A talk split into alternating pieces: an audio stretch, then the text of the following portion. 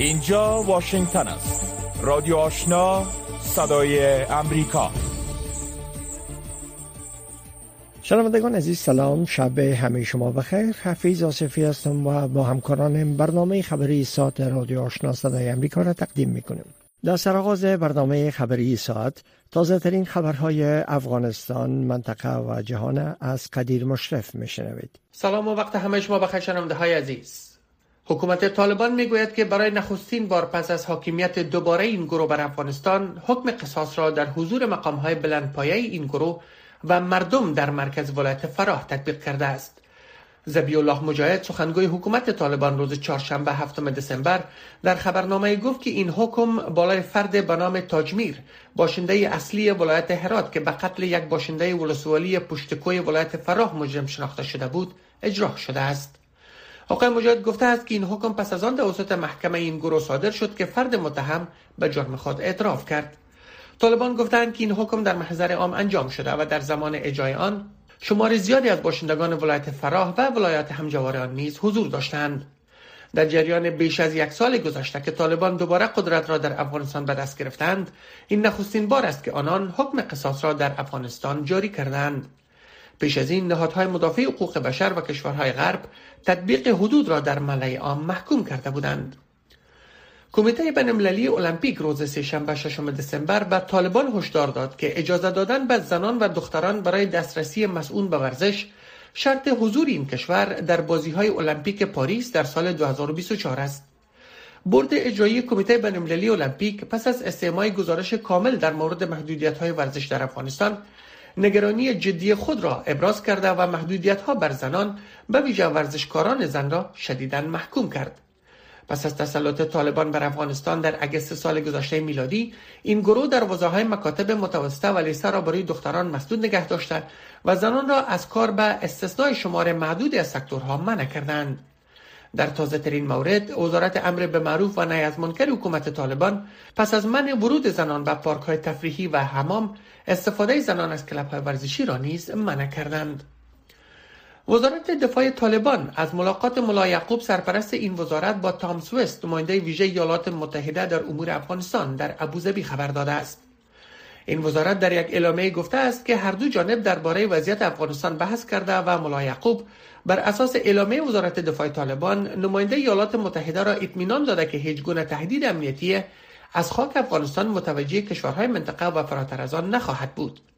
تام سویس در صفحه تویتر رسمی خود از این ملاقات تذکری نداده است. اما اعلامیه وزارت دفاع طالبان از آن داشته که ملا یعقوب به نماینده ویژه امریکا گفته است که جهان بایست به حاکمیت ملی افغانستان احترام بگذارد. سازمان همکاری اسلامی حمله روز گذشته در شهر مزار شریف را ظالمانه توصیف کرده و خواهان پاسخگو قرار دادن عاملین آن رویداد شده است. در انفجار روز سهشنبه در شهر مزار شریف به گفته مقامات طالبان برای ولایت بلخ هفت نفر کشته و شش تنی دیگر مجروح شدند.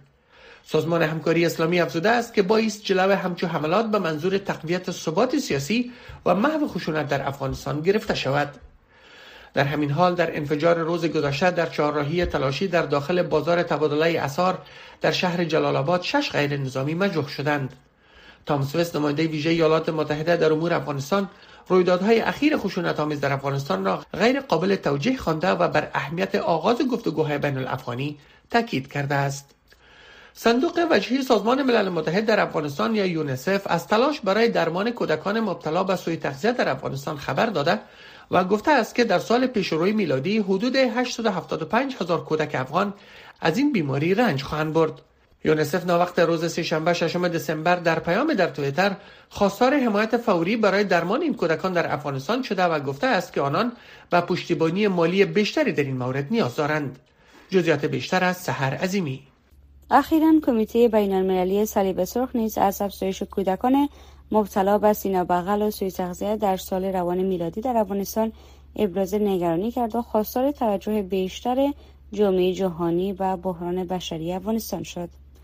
این کمیته به تاریخ 23 نوامبر با نشر اعلامی گفت که در 33 شفاخانه تحت حمایت کمیته بین المللی صلیب سرخ در سراسر افغانستان موارد سینه بغل کودکان در سال روان میلادی نسبت به سال گذشته 90 درصد بیشتر شده و آمار مبتلایان از 33 هزار به بیش از 63 هزار نفر افزایش یافته است. در این حال برخی از دکتران می‌گویند که در ماههای اخیر شمار کودکان مبتلا به بیماری سوی تغذیه و کودکانی که از لاغری شدید رنج می‌برند در افغانستان افزایش یافته است. عبدالحسیب نصرت دکتر موظف در یکی از شفاخانه های دولتی در پروان به صدای امریکا گفت که متاسفانه تعداد بیماران سوی تغذیه بیشتر شده و شمار مراجعین با گذشت زمان بیشتر شده می رود. دلیل آن فقر غذایی و فقر اقتصادی باعث شده که مردم نتوانند غذای مورد نیاز بدنشان را فراهم و تکمیل بکنند. صندوق وچی سازمان ملل متحد در حال از افزایش موارد بیماری سوی تغذیه در افغانستان ابراز نگرانی کرده است که در تازه ترین مورد این اداره ملل متحد خواستار ادامه کمک ها برای رسیدگی به نیازمندان و به ویژه کودکان در سراسر جهان شده است. اوچا یا دفتر هماهنگی امور کمک های بشردوستانه می‌گوید که نیازمندی های بشردوستانه در افغانستان رو به افزایش است جایی که به گفته این نهاد سازمان ملل متحد 20 میلیون نفر با عدم مسئولیت غذایی مواجه بوده و 21 میلیون نفر دیگر به کمک های بشری نیاز دارند اوچا اضافه کرده که جنگ، خشکسالی های پیهم، بحران اقتصادی و فاجعه های طبیعی مزمن و دوامدار عامل این بحران ها در افغانستان بوده و تاکید ورزیده که فراهم آوری به وقت پول برای حمایت مردم نیازمند ضروری می باشد. وزارت معرف حکومت طالبان امروز چهارشنبه 16 قوس از تمامی دختران صنف 12 آزمون فراغت می گیرد. هرچند وزارت معرف حکومت طالبان به گونه رسمی در این باره چیز نگفته اما آزمون فراغت از دانش آموزان دختر به روز چهارشنبه 16 قوس از سوی این وزارت و تنها برای یک روز برگزار می شود. مسئولان این وزارت درباره چگونگی اخذ این امتحان و سوالات رادیو آزادی پاسخ ندادند. اما فرهاد احمد سخنگوی ریاست معرف ولایت ننگرهار به رادیو آزادی گفته است که برای اخذ امتحانات سالانه صنف دوازدهم دانش آموزان دختر مدت سه ساعت وقت در نظر گرفته شده است. فرهاد احمد همچنان پیام صوتی را که وزارت معرف طالبان روز گذشته با فرستاده با رادیو آزادی شریک ساخته است. در این پیام که مشخص نیست مربوط به کدام مقام وزارت معرف حکومت طالبان می شود دستور داده شده که این امتحان تنها چهارشنبه و یک بار برگزار شود خبرهای جهان را از رادیو آشنا صدای امریکا می‌شنوید ند پرایس سخنگوی وزارت امور خارجه ایالات متحده می‌گوید که جلسه برای گذاشتن پیشنویس قطعنامه ایالات متحده برای اخراج جمهوری اسلامی ایران از کمیسیون مقام زن سازمان ملل متحد در روز 14 ماه دسامبر عملی می شود. جزئیات بیشتر از نسرین محمود عزیزی. ند پرایس می‌گوید ایالات متحده متعهد به حذف ایران از کمیسیون است زیرا به بیان ساده این کار مناسب و درست است که باید انجام شود. سخنگوی وزارت امور خارجه ایالات متحده افزود که این اقدام واشنگتن نشان می‌دهد که امریکا در کنار زنان در ایران و سراسر جهان و همچنان گروه های مختلف جامعه مدنی قرار دارد که رهبری این درخواست را به عهده داشتند و می‌خواهند ایران از این کمیسیون حذف شود. این در حال است که ایران پس از درگذشت محسا امینی در قید پلیس گشت ایران با اعتراضات مرگبار مواجه است و به تازگی مقامات قضایی جمهوری اسلامی طی روزهای گذشته از صدور احکام اعدام برای معترضین در بند خبر دادند مارتین گریفتس رئیس امور بشری سازمان ملل متحد عصر سهشنبه عذاب به گفته وی بسیار بزرگی را محکوم کرد که اوکراینی ها به خاطر جنگ بمنی و تخریب زیربناهای آن کشور توسط روسیه متحمل می شوند. این اظهارات آقای گریفتس توسط ایالات متحده و متحدین غربی او حمایت شد اما با مخالفت شدید روسیه در نشست شورای امنیت سازمان ملل متحد مواجه گردید. رئیس امور بشری سازمان ملل متحد رقم گسترده تلفات و بیجا شدگان و افرادی را که از این جنگ متحمل درد و رنج شدهاند برجسته ساخته گفت که حملات روسیه باعث ایجاد یک بحران بزرگ انرژی و آب در اوکراین شده است. مارتین گریفتس افزود که بیش از 14 میلیون نفر در حال حاضر جبران از منازلشان بیجا شدند در رقابت تنگاتنگ برای کسب کرسی مجلس سنا در ایالت جورجیا رافائل وارناک سناتور دموکرات رقیب جمهوری خواهش هرشل واکر را در دور دوم انتخابات شکست داد و کرسی این ایالت در مجلس سنای کنگرس ایالات متحده را از آن خود کرد. رافائل وارناک و هرشل واکر هر دو در انتخابات میان دوره‌ای ماه نوامبر نتوانستند اکثریت 50 درصد را به دست آورند و انتخابات به دور دوم رفت. با پیروزی در انتخابات روز سهشنبه ششم دسامبر در جورجیا اکنون دموکرات ها 51 کرسی مجلس سنا و جمهوری خواهان 49 کرسی این مجلس را در دست دارند. گرچه دموکرات ها در دور نخست انتخابات میان دوره ای 50 کرسی یعنی با رأی معاون رئیس جمهور اکثریت را در مجلس سنا به دست آورده بودند اما با به دست آوردن این کرسی دموکرات ها یک مزیت کلیدی را از آن خود کردند. و با پایان دور یک هشتم جام جهانی فوتبال قطر هشت تیم صعود کرده به دور یک چهارم مشخص شد. روز گذشته پرتغال در یک رقابت پرگل تیم سوئیس را شش مقابل یک از راه برداشت. حالا که تیم اسپانیا در ضربات پنالتی سه مقابل صفر به مراکش باخت. روز چهارشنبه و پنجشنبه تیم ها استراحت خواهند کرد و دور یک چهارم روز جمعه با روی روی تیم های ارژانتین، هلند و کروشیا برزیل آغاز می شود. پایان خبرهای افغانستان منطقه و جهان از رادیو آشنا صدای امریکا. شنوندگان گرامی رادیو آشنا صدای امریکا نشرات رادیو آشنا را در موج متوسط 1296 موج کوتاه 11575 اعشاری صفر و در موج 972 کیلوهرتز شنیده می توانید. خبرهای افغانستان منطقه و جهان از رادیو آشنا صدای امریکا شنیدین. حال هم گزارش های ای برنامه. همزمان با روز جهانی معلولین شمار از معلولین در ولایت هرات که به مواد مخدر معتاد هستند میگن که اعتیاد زندگیشان به نابودی کشانده. ای افراد معتاد دارای معلولیت همچنان میگن که اگر زمینه درمان برای اونا فراهم شود در پی ترک اعتیاد و برگشت به زندگی سالم هستند. سید عارف قطالی در این مورد گزارش میتم عبدالرحمن در کنار معلولیت و فقر از دو سال به این سو معتاد به مواد مخدر نیز شده است. او دو سال پیش یک پایش را در جنگ در ولایت بادغیس از دست داد و به دلیل مشکلات اقتصادی نتوانست که پایش را درمان کند و ای برای تسکین شدت درد پا به استعمال مواد مخدر روی آورده است. یک آدم سالم خیلی راحت می‌تونه خرج عمل خود پیدا کنه یا خرج خانه خود پیدا کنه. ولی یک آدم معلول چی رقم پیدا کنه؟ خود شما فکر کنید که سختی از این قضیاتی که نمیشه بیان کرد. عبدالرحمن دوازده سال پیش ازدواج کرده و اکنون صاحب سفر زند است. می‌گوید هر از گاه نزد خانواده خود می‌رود اما کوچکترین کمک برای آنان نمی‌تواند. در آرزوی درمان است تا زندگی تازه را در کنار خانواده آغاز کند. دختر بچه 5 ساله دارم که به مادر خواهم می‌گفت مادر نون بابا نون مادر نون بابا نون. صدای از اینقدر من اذیت می‌کرد بذاب می‌کرد که چی بگم دیگه؟ یعنی بر رنج ازی که معلول پولی ندارم بیارم به دانان بسونیم. یعنی بر صدای از نام بذاب می‌کرد و رنج می‌داد صدای از آخر یک قرص دمیلی قرص چی دیاسپون دمیلی را چهار قسم کردم به این بچه ها. خدا دم که اینا خوشه صدای دامر بذاب نکنه. تا این قد به مشکلات خلق کرده. تا این قد سختی و بدبختی به ایجاد کرد.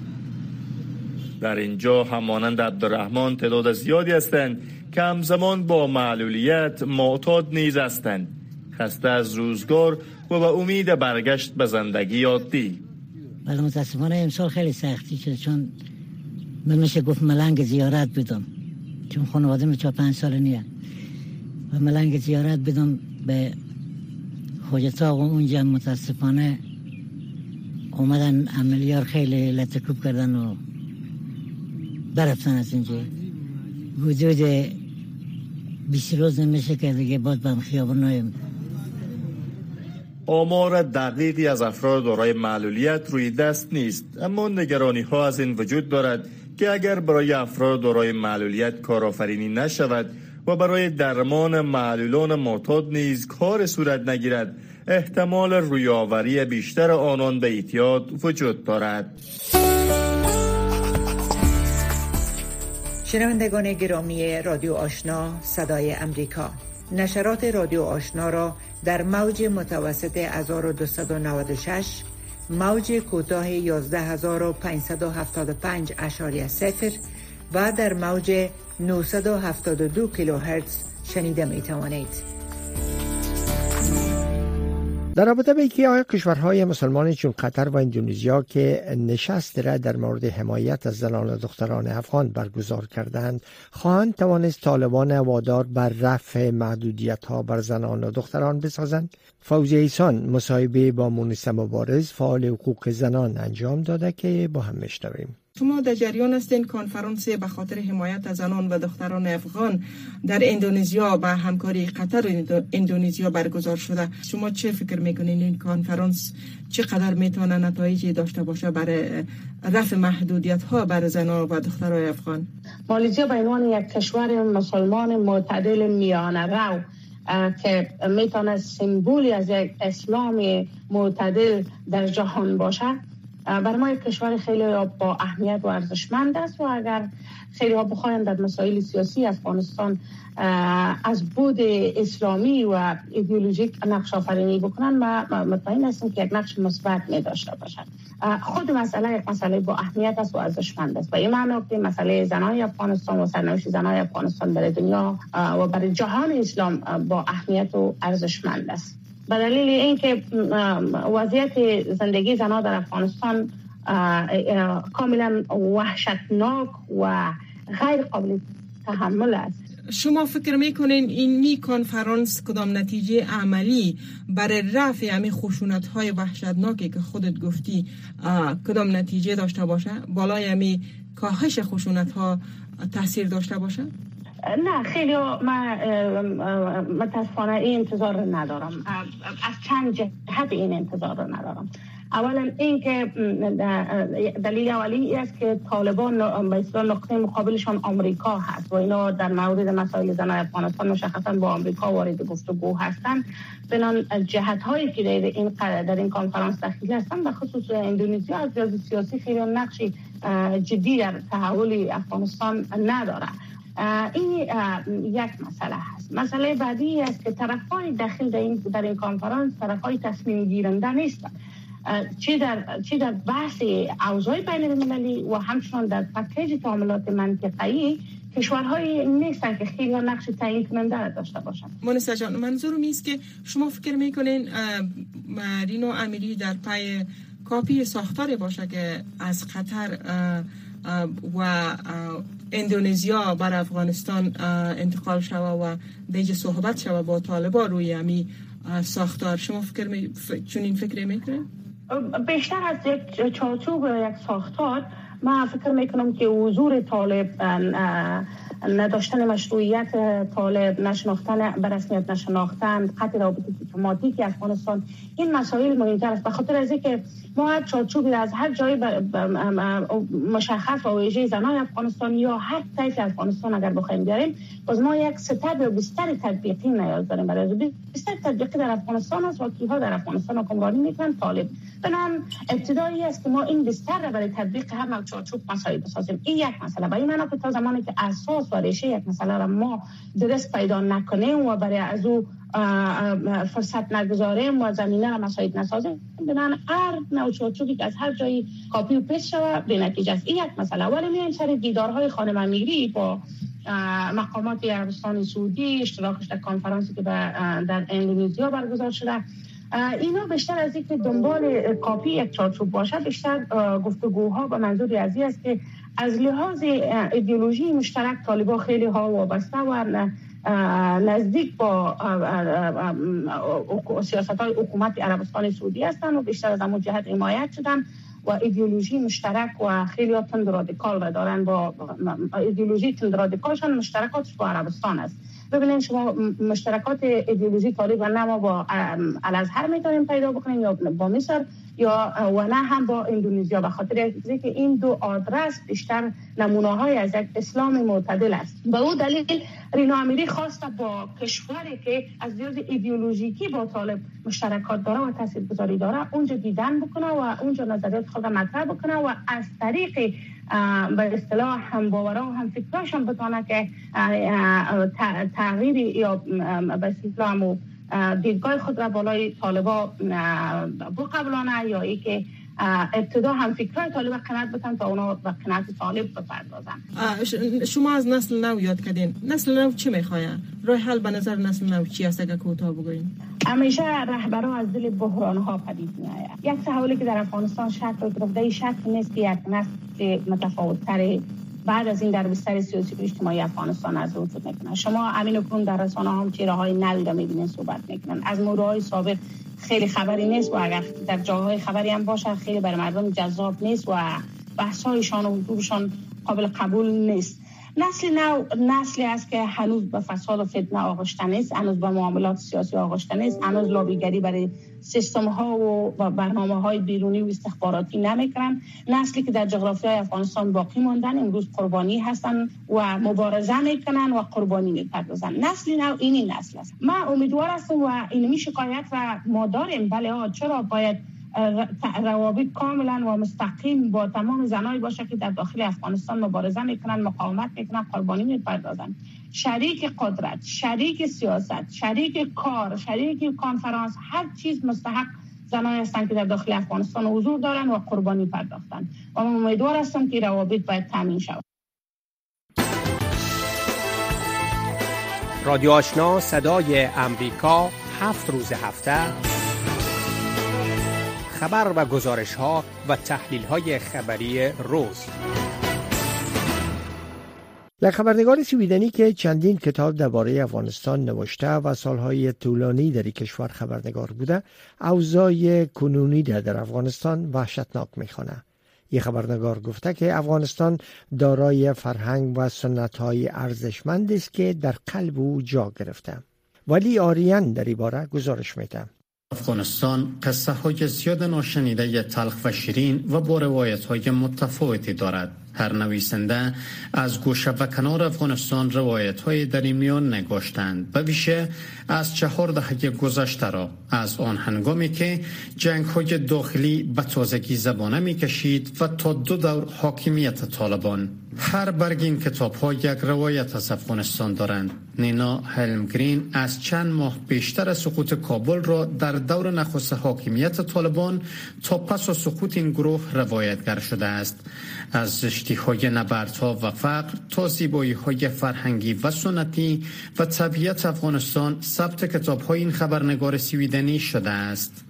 افغانستان عادلانه نیست که تنها نگاه منفی به افغانستان داشت. مردمان افغانستان خشن نیستند بلکه آنان مهربان و با های بزرگ هستند و بیشتر بخش های افغانستان سفر کردم پس از سقوط حکومت طالبان برای تعطیلات به افغانستان رفتم و در چندین جشن عروسی شرکت کردم. این نویسنده و خبرنگار سویدنی همواره به دو سوی جبهه جنگ مقاومت نخواست و طالبان رفت آمد کرده بود. از دو سوی جنگ ادلا رسانی می کرد و با مقامات هر دو طرف گفتگو می کرد چگونگی تیر روزهای مردم به ویش زنان در آن هنگام هنوز هم می آزاردش درست چون وضعیت کنونی اگر از مردم افغانستان نمایندگی می‌کنند باید به حقوق بشر تاریخ و فرهنگ مردم افغانستان حرمت بگذارند. چرا مردم را باید با اسلحه در اداره داشته باشند؟ این خشونت جنگ و اسارت است. طالبان نه نمایندگان افغانستان هستند و نه از فرهنگ این کشور نمایندگی می‌کنند. هیچ مدرکی نیست که نشان دهد مولا عمر رهبر پیشین طالبان با خبرنگاران دیده باشد نینا هلمگرین اما این شانس را داشت که بار در قندهار با مولا عمر ببیند گفتگوی نداشتند و در سوی دیگر جبهت در شمال افغانستان بارها با احمد شاه مسعود فرمانده مقاومت دیدار و گفتگوهایی داشته است و این خبرنگار سویدنی نبرد احمد شاه مسعود را با طالبان جنگ برای آزادی افغانستان می داند. En akut sjuksal på kinesiska sjukhuset nere i Kandahar när det precis در بیمارستان چینایی ها در قندهار ملا عمر را دیدم که با دو محافظ مسلح بدرقه می شد. با صلاح داخل آمدند. دکتر سویدنی صدا زد که موهای سرت را بپوشان. ملا عمر همانند دیگر مردان افغانستان جذاب بود و اما با یک چشم آسیب دیده. از فاصله نزدیک دیدم اما گفتگو نکردم چون نخواستم که جان دوستان و همکارانم را در افغانستان با خطر مواجه بسازم و گفتگوی ما این خطر را بار می آورد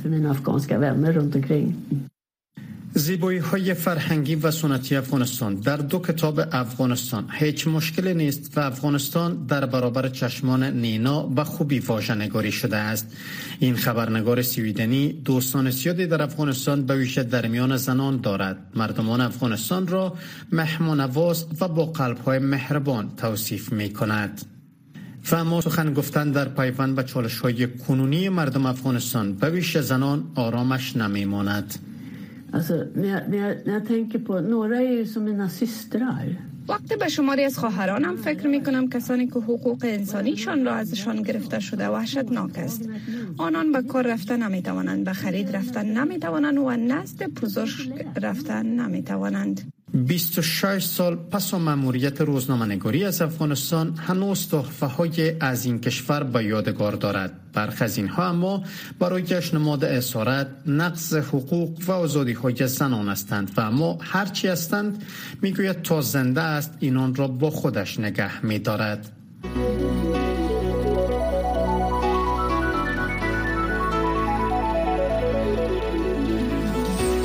صدای امریکا در فیسبوک. facebook.com voa دری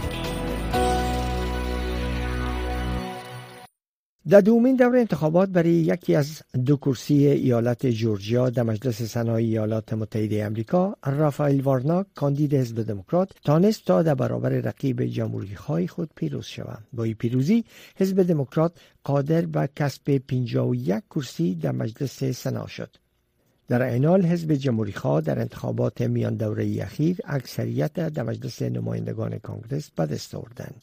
جزیات بیشتر از سید عزیز الرحمن میشنویم در رقابت تنگاتنگ برای کسب یکی از دو کرسی ایالت جورجیا در مجلس سنای ایالات متحده امریکا رافائل وارناک سناتور دموکرات بر رقیب جمهوری خواهش هرشل واکر غلبه کرد و او را در دور دوم انتخابات شکست داد. جورجیا آیا آماده هستید؟ من آماده که به حمایت از کارگران، به حمایت از زنان و به حمایت از کودکان بیستم. من آماده ام که یک جورجیای قویتری را بسازم. خداوند با شما باشد. باور داشته باشید و امیدوار باشید. قبل از این رافایل وارناک و هرشل واکر هر دو در انتخابات میان دوره‌ای ماه نوامبر نتوانستند اکثریت 50 فیصد را به دست آورند و به همین دلیل انتخابات میان هر دو به دور دوم رفت. با برنده شدن رافایل وارناک دموکرات ها قادر به حفظ کرسی 51 در مجلس سنا شدند در حالی که جمهوری خواهان 49 کرسی را در دست دارند. هرشل واکر با پذیرفتن شکستش در برابر رافایل وارناک مردم را به رعایت ارزش های امریکایی تشویق کرد. می خواهم که بر امریکا باور داشته باشید و قانون اساسی باورمند باشید و مهمتر از همه به مقامات انتخاباتی باور داشته باشید. برایشان دعا کنید زیرا دعایی را که برای من می کنید آن را احساس می کنم رئیس جمهور جو بایدن با نشر این تصویر در توییترش نگاشته است که پیروزی رافایل وارناک را به او تبریک گفته و افزوده است که رای دهندگان جورجیا در حمایت از دموکراسی ایستاد شدند فکر می کنم این یک پیروزی واقعی برای باشندگان ایالت جورجیا است. فقط می خواهم بگویم که تاریخ در حال شکل گیری است. دموکرات ها یا جمهوری خواهان مهم نیست. مهم این است که کی می تواند خدمت کند. آقای وارناک این مسئولیت را همین حالا نیز به پیش می برد بنابراین این پیروزی برایش فرصت می دهد که به خدمت خود برای مردم جورجیا ادامه دهد. دموکرات ها با داشتن 51 کرسی در مجلس 100 نفری سنای کانگرس در ساختار کمیته های مربوط به این مجلس و پیشکش موضوعات غرض رایگیری به مجلس عمومی دست بالا خواهند داشت. اما با آن هم رئیس جمهور بایدن قادر به تطبیق برخی تعدیلات بزرگ در قوانین نخواهد بود. زیرا برای انجام چنین کار باید کم از کم 60 عضو مجلس سنا از چنین طرح حمایت کنند. اگرچه جمهوری خواهان در مجلس سنا اکثریت نیستند ولی در مجلس 435 نفری نمایندگان کانگرس بیش از نصف تعداد کرسی های این مجلس را در دست دارند. جمهوری خواهان در این مجلس گفتند که با آغاز دور جدید تقنینی در نظر دارند که مقامات بلند پایه حکومت رئیس جمهور بایدن را پیرامون موضوعات مختلف با شمول چگونگی خروج ایالات متحده از افغانستان مورد استجواب قرار دهند. خبرگزاری اکسیوس گزارش داده که به نامه های دسترسی یافته که در آن جمهوری خواهان از ادارات مختلف حکومت ایالات متحده خواستار اسناد مربوط به خروج از افغانستان شده اند. انتظار می رود که دور جدید تقنینی در اوایل ماه جنوری سال 2023 آغاز شود.